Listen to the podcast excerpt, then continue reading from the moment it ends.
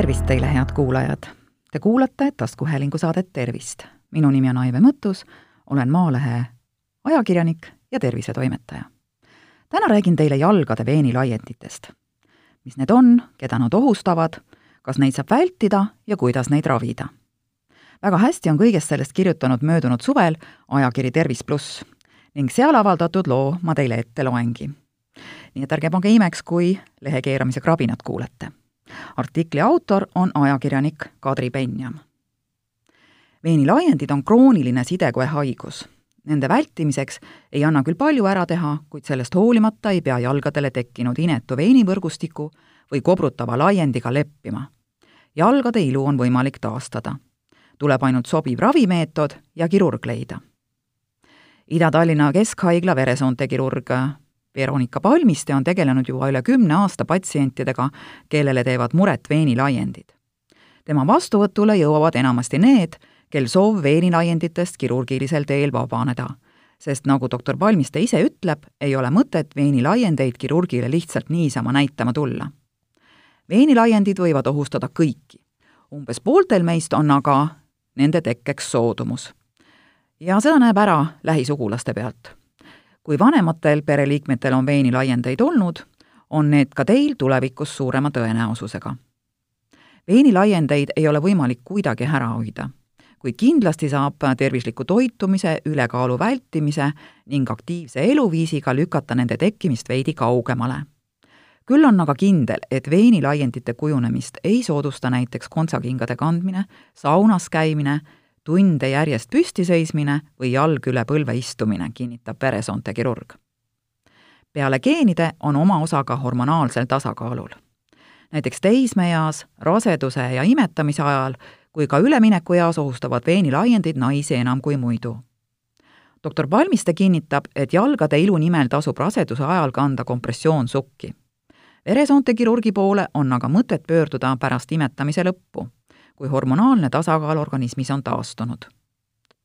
loomulikult ohustavad veenilaiendid ka mehi, kuid kuna nende jalgu katab tihedam karvastik, on ka veenid vähem märgatavad. see aga ei tähenda, et mehi veresoonkirurgi vastuvõtul ei käiks. nagu öeldud, on veenilaiendid krooniline sidekae haigus, mille korral tekib jalgadele inetuv veenivõrgustik või kobrutav veenilaiend. Enamasti on probleem pelgalt kosmeetiline ning edasine oleneb sellest, millised on patsiendi soovid ja võimalused. nagu doktor Palmiste ütleb, on haigus healoomuline ja midagi katastroofilist lahti ei ole. kindlasti ei saa tõmmata võrdusmärki veenilaiendi ja tromboosi ohu vahele, kuigi tihtilugu just sellise kartusega vastuvõtule tullakse veenitromboosi korral on tegemist hoopis vere hüübimishäirega, millel ei ole mingisugust seost veenilaienditega seega ei korrigeerita veenilaiendeid tromboosi vältimise eesmärgil. pigem hoopis suurendab iga kirurgiline sekkumine mingiks ajaks venoosse tromboosi riski. küll aga on tohtri sõnul loomulik, et me kõik soovime endale kauneid jalgu. veenilaienditega ei pea kindlasti leppima. juba olemasolevaid veenilaiendeid aga ei ole võimalik siiski kreemi või tablettraviga kaotada. seetõttu tuleks skeptiliselt suhtuda imelisi tulemusi lubavatesse reklaamidesse küll aga võivad kreemid ja tabletid abiks olla põletiku leevendamisel. Neile, kes soovivad lihtsalt äh, hoida kroonilist haigust kontrolli all, soovitab doktor Palmiste proovida kompressioonravi ehk kanda iga päev tugisukki, mis on jalale sobiva survega ja toetavad kompressioonsukki on erineva survetugevusega ning koos patsiendiga otsustatakse, milline tugevus sobib. möödas on ajad, mil soovitati mingit fikseeritud surveklassi, isegi juhul, kui patsiendile see üldse ei sobinud alguses tekkiv ebamugavustunne on aga normaalne ja kompressiooniga peab harjuma, kinnitab veresoonte kirurg. Neil, kel on soov nähtavast veenivõrgustikust jalgadel kirurgilisel teel vabaneda, on valida kahe ravimeetodi vahel. operatsioon või skleroseerimine ehk süstimine. juhul, kui inimene tunneb, et tema jalal olev veenilaiend kuumab, nahk punetab või on koht valulik, võib olla tegu veeniseina põletiku või pindmise veenisüsteemi tromboosiga sel juhul tuleks kindlasti pöörduda perearsti vastuvõtule, kes selgitab välja, millega täpsemalt tegu on ning paneb paika edasise tegutsemise. kummalgi juhul ei ole olukord eluohtlik ja seda on ju hea teada, eks, kuid leevendust võib oodata alles paari kuu möödudes, nii et kannatust on vaja. enamikul juhtudel aitavad käsimüügiravimid. näiteks on abiks hepariinkeel, hobukastani ekstraktiga tabletid või kapslid ning loomulikult kompressioonravi. siinkohal kinnitan, et kirurgi vastuvõtule tasub tulla siis, kui põletik on taandunud. kirurg ei saa veeniseina põletiku ega pindmise veenisüsteemi tromboosi korral aidata patsienti rohkem kui perearst kohe tuleks aga pöörduda perearsti poole, kui jalasääre alumisele kolmandikule on ilmunud pruun laik. see on märk sellest, et sinna võib tulevikus tekkida haavand. perearst vaatab jala üle ning suunab vajaduse ja patsiendi soovi korral ta kirurgiliseks korrektsiooniks kirurgi juurde, selgitab doktor Palmiste.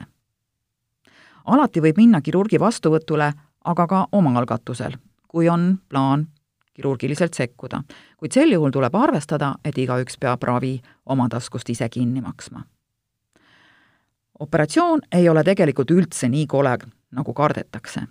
Miniflebektoomia ehk minivarikektoomia korral eemaldatakse veenilaiend väikese nõelaaugu kaudu ja arm jääb vaevu märgatav, selgitab doktor Palmiste. lisades, et tänapäeval on see üks kergemaid operatsioone üldse kes eelistab aga skleroseerimist ehk süstimist, siis see peab arvestama, et ehkki protseduur on lihtne ja suhteliselt tohutu, lasevad tulemused ennast oodata. üldjuhul muutub veenivõrgustik jalal vähem märgatavaks alles kolme-nelja kuu pärast. Laienenud veeni süstitakse sklerosanti, mis kahjustab veeni sisekihti. soon sulgub ning mõne kuu möödudes ei ole laiend enam nii nähtav. protseduuri tehakse tavaliselt äh, vahemikus septembrist aprillini, sest pärast äh, seda ei tohi kuu aega päevitada ja vajalik on ka regulaarne kompressioonravi, selgitab doktor Palmiste. Kuna veeli, veenilaiendite korrigeerimine ei taga, et tulevikus uuendid laiendid tekkida ei võiks, soovitab ta käia võimaluse korral kogu aeg ühe ja sama arsti juures, kes siis teab ja oskab jälgida. kindlasti tasub teada, et veenilaienditega tegelevad nii üldkirurgid kui veresoonte kirurgid. spetsialistide probleemikäsitlus võib aga erinev olla. osa tohtreid ei ole kosmeetilise korrektsiooni tegemisest huvitatud. Kindlasti on kirurgi valikul oma osa ka isiklikul eelistusel. kui teate, mida arstilt ootate ja millist tüüpi inimene te ise olete.